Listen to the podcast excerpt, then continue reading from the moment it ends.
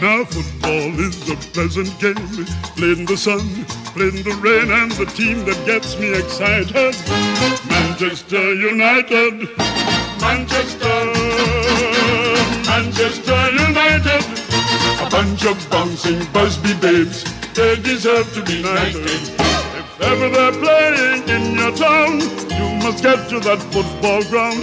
Take a lesson, come to see football taught by Matt Busby and Manchester. di podcast Gibain MU episode ke 100 gila. Nggak berasa banget eh, cuap-cuap amatiran cuap-cuap eh, secara pendapat gua udah masuk 100 episode. Ya seru sih. Emang kayak gini tuh bisa mengeluarkan pendapat bisa apa yang ngeluarin unek-unek soal klub kesayangan Man United dan tentunya juga direspon sama kalian semua yang lagi dengerin. Thank you banget pokoknya udah dengerin sampai sejauh ini. Udah nyampe 100 episode. Sebenarnya kalau gua nggak salah gua udah ada 104 episode ya. Tapi 4 episode lainnya itu bukan episode yang ada no- nomornya gitu lah jadi ya ini adalah episode ke 100 dan minggu ini benar-benar luar biasa banget terutama masalah babi ngepet. Ini benar-benar apa ya? Depok itu benar-benar gokil ya luar biasa. Gua waktu zaman SD itu SD sampai SMP gue kebetulan tinggal di Depok gue tinggal di daerah Jalan Nusantara Raya. Mungkin teman-teman yang tinggal di Depok yang lagi dengerin juga tahu Jalan Nusantara Raya. Ya gue tinggal di sekitaran setelah di Perumnas dulu namanya depan pasar Depok Jaya. Dan ketika kemarin ada berita soal babi ngepet yang menyeruak luas di jagat media sosial bahkan sampai masuk ke televisi itu benar-benar heboh. Gue pas dengar itu langsung apa iya masih ada orang yang melakukan hal-hal semacam itu? Gue nggak tahu ya. Jujur maksudnya beneran emang ya pasti orang pasti masih ada lah yang percaya hal-hal seperti itu. Dan kalau di zaman dulu ya zaman mungkin gua kecil terutama itu isu-isu babi ngepet tuh cukup banyak ya bukan hanya babi ngepet ya dulu ada Mister Gepeng ya kan? Dulu ada kolor hijau yang seperti seperti itu. Kalau babi ngepet ini kan gua justru lebih mengenal dari film-film yang ada di TV kalau dulu ya semacam FTV FTV ala ala gitu lah misteri misteri gitu babi ngepet yang dijaga lilinnya. Untuk ya sistemnya kan sebenarnya kayak tuyul gitu kan. Kalau yang gua tahu ya cuman dia lebih ke jadi babi gitu loh dan kemarin itu yang di Depok itu benar-benar what the fuck. Ternyata itu adalah sebuah settingan dari ya si itunya lah. Gua nggak mau ngomongin itunya. Pokoknya ini balik lagi ke bukan buat gue pribadi tapi mungkin buat kalian kalau ada isu-isu kayak gini alangkah baik kita cari tahu lebih detail dulu gitu. Kita cerna lebih lebih baik lagi lah gitu. Jangan ya ternyata kan ini ternyata cuma settingan dan ternyata babi yang katanya dibilang makin makin kecil ya katanya ngikutin hitungan jam setelah ditangkap itu. Kasihan kan itu anak babi tidak berdosa apa-apa. Nggak salah tiba-tiba dia difitnah ya kan. Dan ini semuanya jadi pembelajaran kita semua sih dan cukup gila juga sih ini ya. Karena bisa berhasil menghebohkan satu Indonesia terutama di sosial media juga sangat heboh. Bahkan ada seorang ibu-ibu yang sampai menjat setangganya mungkin ya kalau gua nggak salah. Itu bilang kalau dia itu apa pengangguran tapi banyak duit ya. Kalau gua nggak salah gitu adalah videonya itu gitu.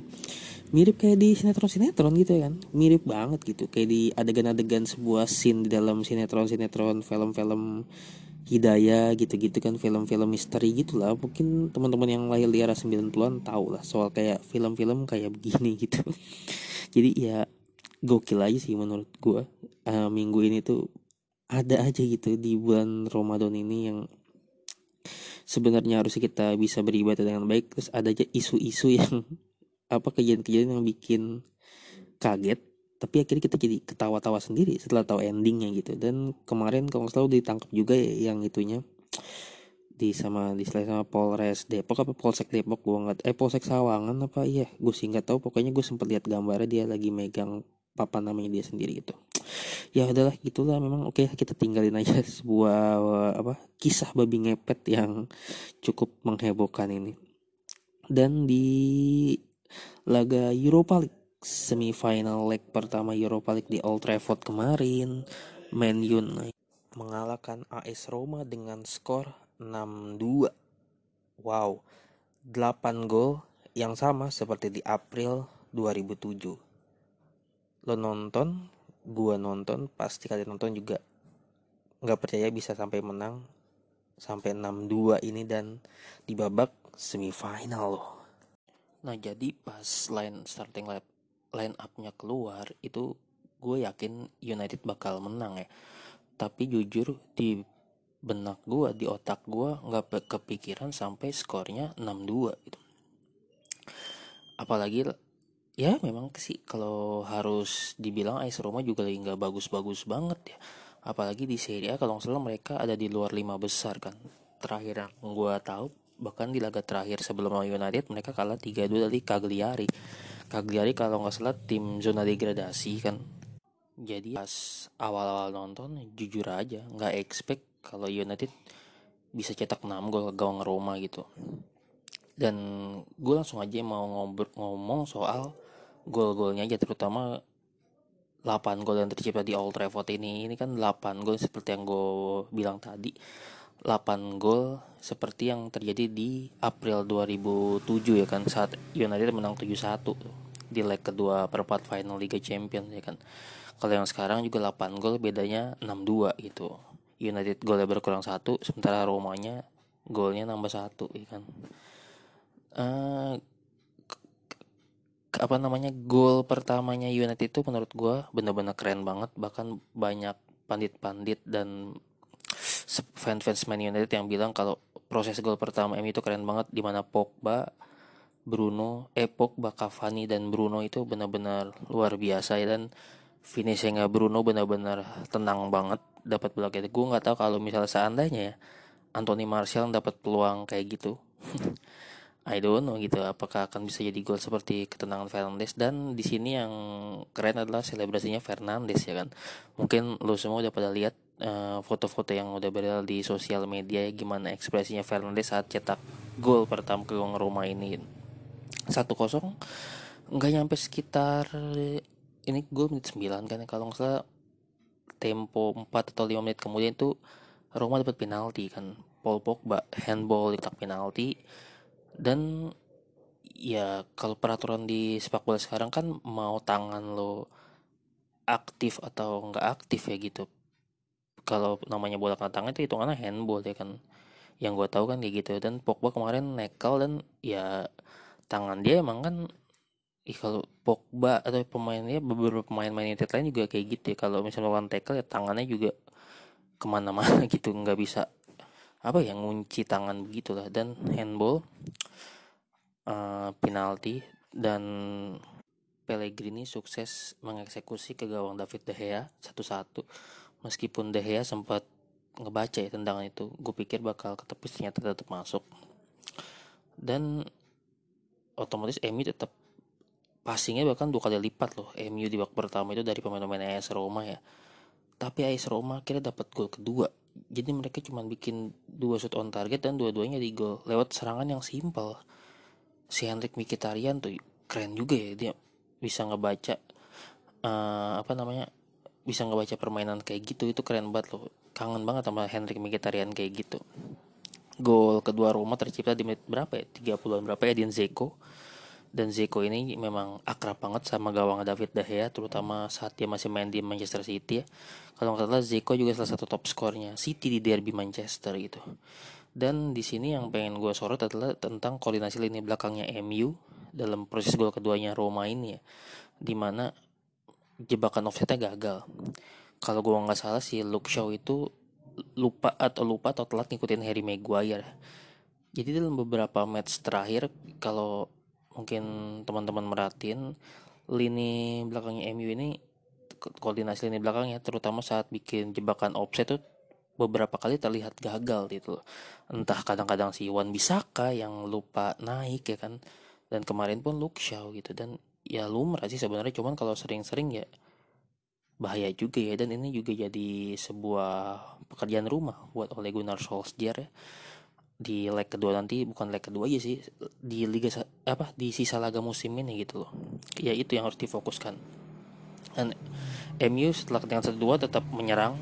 Dan di sini adalah menurut gua ada faktor juga kenapa MU bisa bikin 5 gol di babak kedua ya.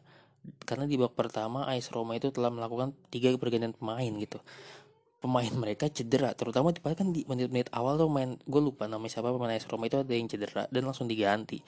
Terus nggak yang gue inget gue lupa namanya terus yang paling gue inget itu kipernya abis tendang abis nepis tendangannya Paul Pogba dia langsung cedera tuh kayaknya di sirkulasi bahunya ya yang kena itu. Dan itu salah satu keuntungan buat United ya setelah tiga pergantian itu yang nggak disangka-sangka tentunya sama pelatihnya Roma ya dan itu mengubah jalannya taktik dia terutama pasti form ya pasti kan dia udah punya plan B plan C ya ketika nanti di babak kedua harus kayak gimana ternyata ya meskipun mereka unggul satu dua di babak pertama tapi mereka harus dibayar mahal dengan tiga pergantian pemain yang terlalu cepat gitu. Dan kipernya Roma yang digantiin ini katanya sih jarang main ya kiper maksudnya jarang bermain buat tim utama dan ketika dia harus turun gantiin tim kiper utama dan langsung melawan tim sekelas Manchester United di ajang Europa League. Ini pasti dia mendapatkan pressure juga kan gitu.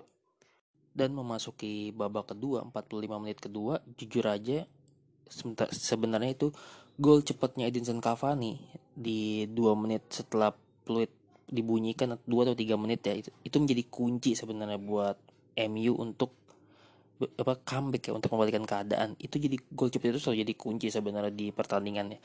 Dan saat itu responnya bagus banget ketinggal keting pertama ketinggalan satu dua dan nyamain kedudukannya di dua dua ketika laga belum ada lima menit gitu di babak kedua. Dan gol Cavani ini kelas banget. Sebuah ini bisa dibilang counter attack ya counter attacknya United dari dan Fernandes benar-benar luar biasa.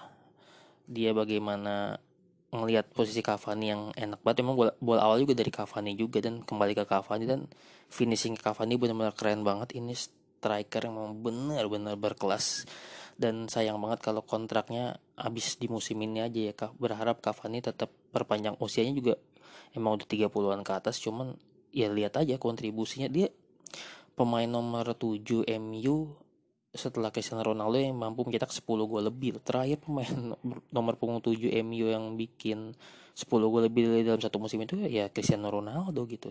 Setelah itu Owen Depay di Mare itu nggak ada yang kayak gini. Dan ini luar biasa finishingnya. Dan setelah itu langsung gol-gol lainnya datang. Dan gue juga bingung sama AS Roma ya. Kenapa ketika mereka udah unggul 1-2 bahkan sampai disamakan kedua-dua itu mereka tetap bermain terbuka loh. Mereka tetap nge-build up dari nge-build up serangan gitu loh ngebangun serangan dari belakang. Padahal mungkin kalau mereka kasarnya bertahan ya atau parkir bis mungkin mereka bisa menahan MU dengan skor 2-2 atau enggak kalah tipis lah mungkin 3-2 ya kan. Katakanlah let's say begitu. Tapi si Paulo Fonseca ini ya pelatihnya si Roma tetap meninstruksikan meninstruksikan anak-anak boy untuk tetap menyerang gitu. Ya lo tahu sendiri ketika tim lawan MU ini nyerang MU ya lo bakal mati gitu bakal habis karena serangan balik dari MU-nya gitu. Dan setelah itu gol ketiga datang dari Cavani juga. Ini lagi-lagi juga Paul Pogba luar biasa ya main di sisi kiri Luke, bersama Luke Shaw dia. Dan gol ini kan awal dari Pogba yang ngasih back pass eh ke passing ke Fernandes. Fernandes deli banget ngeliat Wan Bisaka yang bebas nggak main Roma jagain di shoot sama bisa dia tepis sama kiper Roma dan bola ribonnya jatuh ke kakinya Edinson Cavani 3-2 dan di situ gue nonton udah mulai tenang banget karena wah 3-2 nih. Gue pikir skor ini akan bertahan nih 3-2 ya karena tapi ternyata enggak. Setelah itu Chris Smalling si agen Smalling ini melakukan pelanggaran dan Fernandes mendapatkan hadiah penalti MU mendapatkan hadiah penalti. Fernandes mengeksekusinya dengan baik 4-2 dan di situ ya benar-benar kelihatan banget kalau Chris Smalling ini kenapa dijual sama MU gitu. Ya ini Chris Smalling ini bagus di Liga Italia di Serie A bagus apalagi musim lalu ya. Smalling dan banyak yang bilang kalau MU telah salah ngebuang dia. Tapi ya di pertandingan ini jadi bukti kalau ya Smalling itu memang nggak udah nggak bisa main di Premier League. Lo lihat lawan MU kemarin gitu. Meskipun di babak pertama dia main cukup baik ya dan di babak kedua dia benar-benar salah satu penyebab kenapa Roma bisa kemasukan banyak gol ya dia berapa kali dia kalah duel di udara juga itu Smalling dan setelah itu gol kelima akhirnya datang lewat golnya sundulannya Paul Pogba. Dan sini Fernandes benar-benar luar biasa sama Luke Shaw. Ya. Ini kalinya udah hafalan ya, hafalan di latihan di training sebuah tendangan sudut dan Luke Shaw yang ngasih ke Fernandes dan Fernandes langsung passing ke dalam kotak penalti disundul sama Pogba 5-2 Pogba pun gak ada yang jagain dan Pogba pun langsung joget-joget gitu. Pogba ini eh, di pertandingan lawan Roma ini bermain luar biasa banget. Dan ini kalau lawan tim-tim Italia kayaknya emang performanya luar biasa ya luar biasa gitu. Terakhir lawan AC Milan kan dia bahkan berhasil jadi aktor protagonis di laga itu di pasti main di San Siro lewat gol tunggal dia ya membawa MU ke perempat final ya 5-2 dan gue happy banget sambil makan sahur saat itu happy banget lihat tim udah unggul 5-2 meskipun gue jujur masih deg-degan ya 5-2 berarti keunggulan agregat 5-2 itu 3 gol ya kelebihan surplus golnya karena belajar lah dari AS Roma di musim 2017-2018 ketika mereka kalah 4-1 dari Barcelona di perempat final leg pertama di Camp Nou. Mereka menang 3-0 di Olimpico loh. Luar biasa. Meskipun saat itu ada ya masih ada penonton ya masih ada banyak penonton itu. Dan supporter, supporter itu kan cukup berpengaruh besar terhadap performa tim di lapangan gitu. Kalau sekarang kan ya lo mau main home mau main away yang gak ada penonton gitu. Dan Mason Greenwood yang masuk menggantikan Marcus Rashford akhirnya menyelesaikan pertandingan lewat tendangan kaki kanannya yang sebenarnya deflect tapi tetap masuk gawang. Greenwood ini memang berapa kali tendangannya deflect tapi masuk gitu loh. Luar biasa ini entah nah hokinya atau emang dia jago gitu. Berapa kali tendangan dia dalam kotak penalti deflect tapi masuk loh.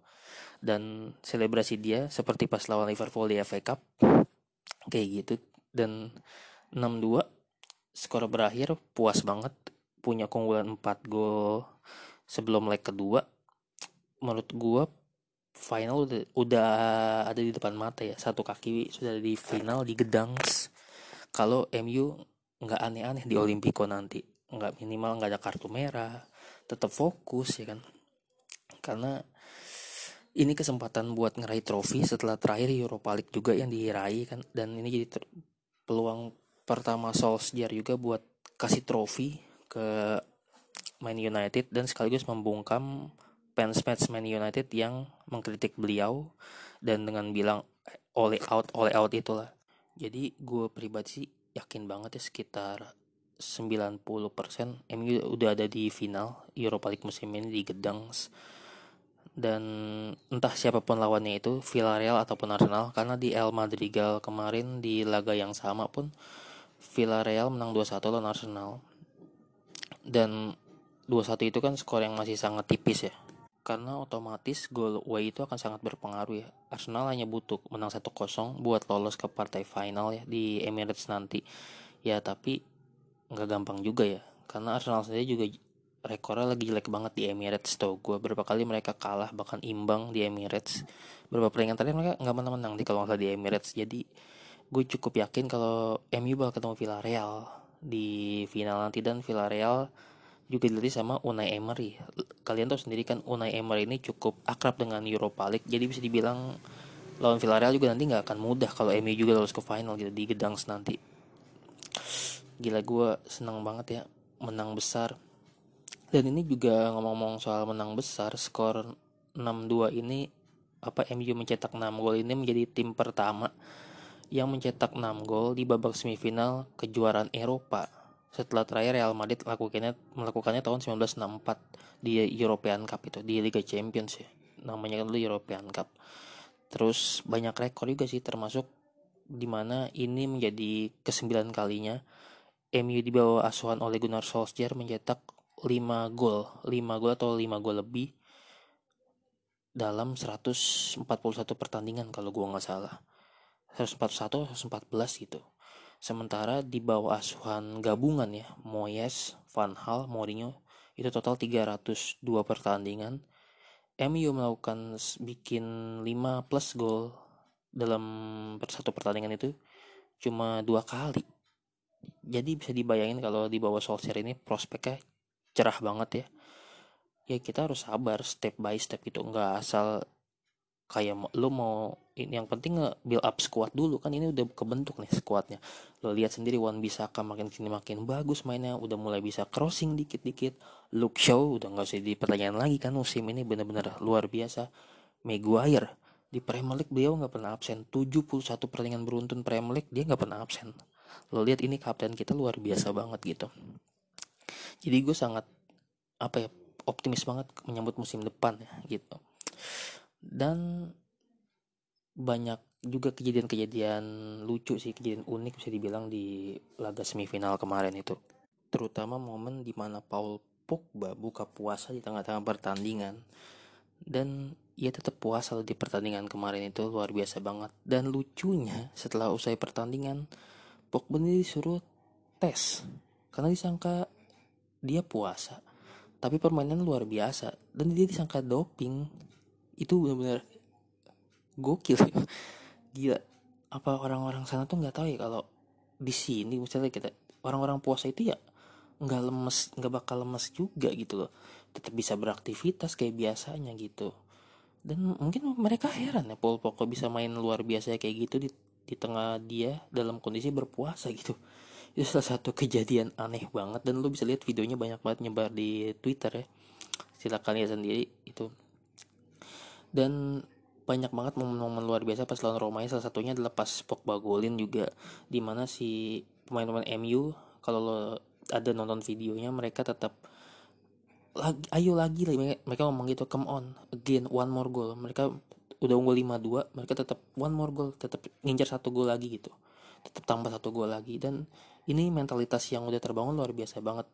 Tim meskipun dicetak sampai 5 gol mereka tetap nyari gol lagi gitu. Mereka tetap luar biasa banget gitu jadi gue sangat-sangat happy banget ngelihat squad kayak gini.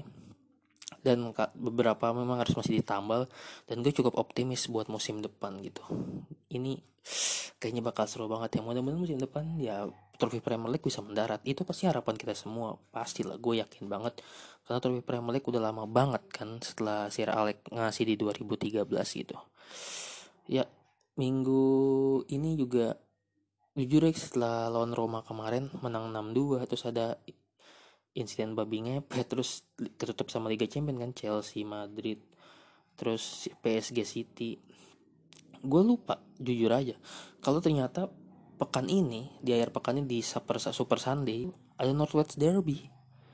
Manchester United lawan Liverpool. Gue lupa. Gila gue baru ingat setelah pertandingan lawan Roma. Gue lihat jadwal MU kan gue buka HP lihat jadwal MU next match lawan Liverpool wah gila gue kaget banget. Dan jujur aja hype-nya pun nggak berasa banget ya. Mungkin karena Liverpool juga lagi jelek gitu. Meskipun gue yakin sih kalau tetap di Inggris sana laga ini tetap jadi laga yang spesial laga yang ditunggu-tunggu karena Northwest Derby Derby Barat Laut MU Liverpool rivalitas terbesar di Inggris gitu. Ya gue akan bahas sedikit soal pertandingan hari Minggu nanti itu di segmen kedua. Jadi kita langsung ke segmen kedua oke okay? balik lagi di podcast Gibain MU kali ini di segmen kedua Northwest Derby Manchester United lawan Liverpool di Old Trafford ini menjadi pertandingan yang cukup penting ya meskipun banyak beberapa fans yang mungkin bilang laga ini udah nggak penting banget karena hampir dipastikan posisi MU akan tetap aman di zona Liga Champions tapi buat gue pribadi belum aman karena Leicester sendiri setahu gue tadi di dini hari tadi uh, baru bermain imbang lawan Southampton satu-satu. Jadi mereka dapat satu poin. Dan posisinya cuma beda 4 poin ya kalau nggak salah sama MU jadi riskan banget kalau MU sampai kehilangan poin di Northwest Derby. Karena kan targetnya udah paling benar itu ngamanin peringkat kedua. Kalau sampai turun ke peringkat ketiga kan ya jelek aja gitu kan. Karena musim lalu udah peringkat ketiga artinya musim ini peringkat kedua adalah terbaik ya kan step by step itu naiknya perlahan-lahan. MU Liverpool gue yakin ini pasti bakal tetap panas. Di Indonesia juga pasti gitulah. Meskipun gue kemarin lupa dan gak ingat ada pertandingan ini cuman gue jadi antusias banget menyambut pekan ini. Apalagi di awal bulan ya kan. Udah masuk bulan Mei ini Emil Liverpool. Pas lo pasti mungkin yang dengerin podcast gue pasti masih inget di episode ke-40-an berapa gitu 45 atau 46 pas jadwal MU di Premier League keluar gitu. Gue sempat bilang kalau nggak salah kalau gue takut kalau MU ini sampai ngasih guard of honor buat Liverpool di Old Trafford tanggal 2 Mei nanti 2 Mei 2021 karena kan pas gue tag episode itu musim baru mau mulai dan Liverpool adalah seorang juara bertahan eh klub juara bertahannya gitu. Dan otomatis juara bertahan tetap diunggulin kan buat tetap mempertahankan gelar apalagi performa Liverpool musim lalu benar-benar luar biasa di Premier League kan? Tapi ternyata enggak. Musim ini mereka benar-benar kehilangan banyak poin benar-benar bukan Liverpool yang musim lalu gitu. Bukan Liverpool yang dua musim terakhir yang bisa juara Liga Champions sama Premier League. Mereka jadi Liverpool yang ya Liverpool. Ini Liverpool yang gue tahu kayak gini. Kembali ke setelan pabrik peringkat ke 6 peringkat ke 7 bahkan dulu bisa sampai peringkat ke 9 ya kan? Ini Liverpool Liverpool yang gue tahu nih yang kayak gini. Gue bersyukur banget Liverpool kayak gini gitu. Seneng aja gitu. Liverpool Liverpoolnya kayak gini sementara MU naik gitu. Performanya itu gue seneng banget gitu. Cuman tetap di Northwoods Derby hari Minggu nanti gue yakin dua-dua nggak akan nyerah gitu aja. Apalagi MU Liverpool juga butuh poin buat tetap merengsek memaksakan masuk untuk keempat besar untuk Liga Champions musim depan tetap gue yakin Jurgen Klopp ini ditargetin buat bawa Liverpool lolos ke Liga Champions musim depan. Sementara MU juga tentunya butuh poin tentunya ya ini rivalitas yang luar biasa. MU terakhir kalah sama Liverpool di Old Trafford itu 2014 Maret 2014 gue yakin ini rekor harus tetap dijaga karena lawan Liverpool gitu. Mungkin lo kalah lawan apa ya mungkin kayak lawan kalah lawan Sheffield United kemarin itu ya ya gitu doang. Pasti cuma jadi bahan ledekan fans-fans lain gitu. Cuman ketika lo kalah sama rival gitu kayaknya itu akan menjadi hal yang nggak dipengenin lah gitu. Dan sementara yang harus dijaga juga si Jurgen Klopp ini juga nggak pernah menang lawan MU di Old Trafford. Jadi ya ini tetap harus dijaga gitu tetap harus jangan sampai tanggal 2 Mei nanti tercoreng gitu ya udah paling minimal mungkin imbang kan gitu jangan sampai kalah lah pokoknya. Ya bonus tetap lah target harus menang gitu. Apalagi kalau sampai menang ini juga jadi kemenangan pertama kemenangan pertamanya oleh Gunnar Solskjaer lawan Liverpool sebagai manajer gitu di Premier League. Karena kemenangan 3-2 di Januari kemarin itu kan di FA Cup kan jadi bukan di Premier League. Jadi kalau ini sampai menang di Premier League ini kemenangan pertamanya oleh lawan Liverpool gitu. Dan gue berharap itu terjadi gitu ya ngelihat performa Liverpool musim ini yang naik turun gue yakin sebenarnya MU bisa menang ya ya biasanya MU kalau menang Liverpool di Old Trafford itu tipis lah tipis-tipis aja biasanya 2-1, 1-0, 3-2 bahkan gitu. Jarang kayaknya lawan Liverpool itu menang besar terakhir menang 4-0 tuh juga udah lama. Terakhir menang besar ya 3-0 sih. Musimnya Van Hal tuh, musim pertamanya Van Hal menang 3-0 di Old Trafford kan. Yang golnya Juan Mata, Rooney sama Van Persie itu dan gue cukup antusias ya menyambut laga ini. Karena mainnya juga di hari Minggu Super Sunday otomatis. Dan lihat Liverpoolnya lagi kayak gini juga berharap juga sebenarnya yang tadi gue bilang ya meskipun skornya biasanya akan tipis tapi gue berharap MU bisa membawa apa ya membawa performa terakhir lawan Roma ke laga ini gitu. Terutama skornya bisa bikin sampai 6 gol meskipun ya Liverpool bukan AS Roma gitu cuman tetap aja berharap kita semua berharap kayak gitu apalagi kalau sampai beneran kejadian itu bakal kita bakal happy lah di hari Senin ya pasti yakin banget kita bakal menjadi apa ya supporter fans sepak bola yang paling wah gitu ya kan. Menyambut Senin pagi dengan senyuman yang antusias yang luar biasa gitu di sisi Liverpool sendiri mereka kan emang butuh poinnya buat Liga Champions. Karena persaingan di empat besar ini juga luar biasa ya. Masih ada Leicester, Chelsea, West Ham United, Liverpoolnya sendiri, Hotspur bahkan Everton ya. Kalau Arsenal juga masih bisa dihitung gak sih mereka untuk ngincar ke Liga Champions lewat jalur ini? Gue nggak tahu deh mereka 9 apa 10 gitu peringkatnya. Dan penampilan Liverpool terakhir pun lawan Newcastle ya. Mereka imbang satu-satu. Mereka luar biasa di pertandingan itu jujur aja gue nonton pertandingan itu Liverpool lawan Newcastle karena saat itu malam minggu gue nyari pertandingan bola dan adanya Liverpool lawan Newcastle ya gue tonton lah. Karena gue hobi banget nonton bola gitu kayaknya. Tapi nonton bolanya juga tim-tim yang enak lihat dan Liverpool Newcastle termasuk laga yang enak banget buat ditonton kemarin ya. Apalagi di sisi Newcastle juga ada Steve Bruce mantan pemainnya United ya dan Liverpool itu banyak banget peluang. Sadio Mane Firmino di pertandingan lawan Newcastle Muhammad Salah. Dan mereka cuma bisa bikin satu gol itu pun di awal-awal laga. Dan akhirnya di menit terakhir ya mereka yang buang-buang peluang itu pasti akan merasa kesel banget. Karena Newcastle biasanya main kedudukan di detik-detik terakhir pertandingan di injury time. Satu-satu. Jadi gue lihat emang Liverpool nggak seperti musim lalu kan. Tapi ada di mana momen di mana mereka bermain seperti musim lalu. Itu yang gue takutin mereka bakal kayak gitu di Old Trafford. Apalagi kan lawan mereka ya rival mereka itu Manchester United. Otomatis mereka pengen dapat tiga poin dan ngalahin MU di Old Trafford. Gue yakin banget gitu. Terakhir kali Liverpool main seperti musim lalu di musim ini itu kalau nggak salah pas lawan Arsenal. Mereka menang 3-0 di Emirates dan itu benar-benar Arsenal kewalahan lawan Liverpool jadi itu sih yang harus diwaspadin karena Liverpool kan nggak bisa ditebak. Meskipun performanya musim ini benar-benar menurun tapi ada di saat tiba-tiba mereka balik mainnya seperti musim lalu gitu.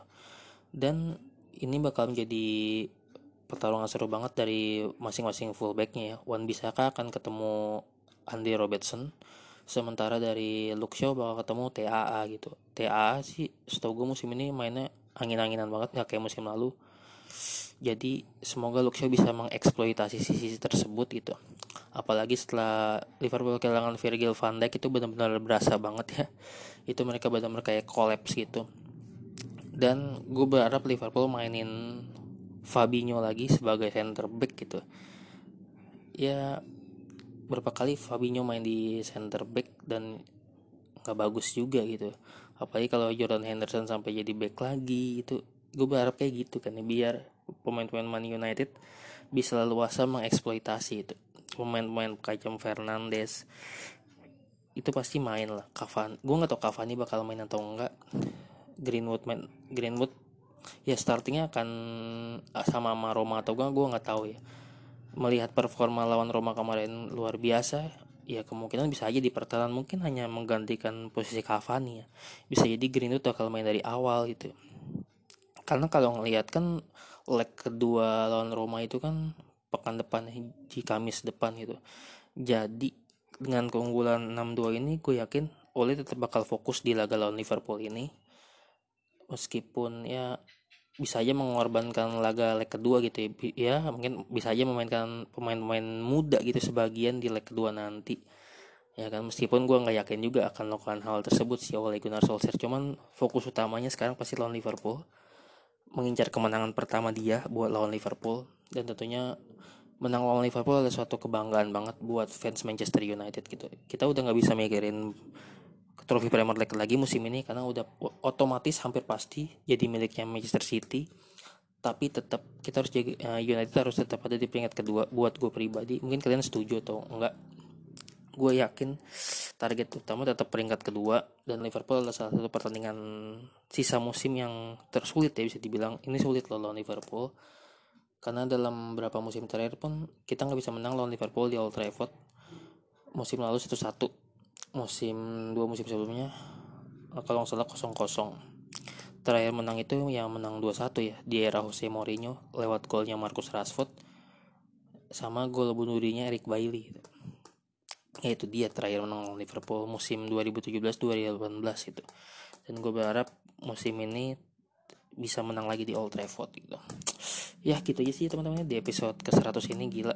Udah episode ke 100 ngebahasnya ngalur ngidul secara amatiran gitu. Suka-suka gue ngebahasnya tapi tetap ada yang dengerin. Senang banget lah gitu. Oke lah teman-teman. Terima kasih yang sudah mengapresiasi selama ini podcast Giban MU sudah sampai 100 episode insya Allah kita bakal ketemu lagi di episode 101, 102, 103 bahkan seterusnya gitu.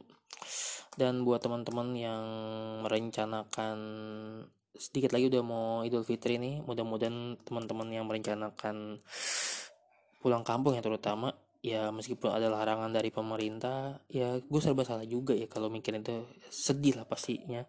Kalau kita namanya lebaran itu nggak ngumpul sama keluarga itu pasti ada rasa sedih lah tapi ya baik lagi memang kita sebagai warga negara yang baik ya harus patuh sama peraturan. Meskipun kadang kita sebagai manusia juga peraturan itu suka di kita larang gitu. Eh kita ya pokoknya kita itu ya kita lawan gitu. Kadang-kadang kan kayak gitu gitu namanya naluri ya. Tapi ya semoga teman-teman bisa tetap berpuasa dengan hikmat ya sampai lebaran nanti dan ini di awal bulan mudah-mudahan teman-teman juga udah pada gajian juga udah pada dapat THR ya jangan lupa uh, nanti juga bayar zakat fitrah ya kan ya aku sekedar mengingatkan aja lah gitu teman-teman terima kasih banget Pokoknya udah dengerin episode kali ini. Sampai jumpa lagi dan tetap semangat. Glory glory Man United.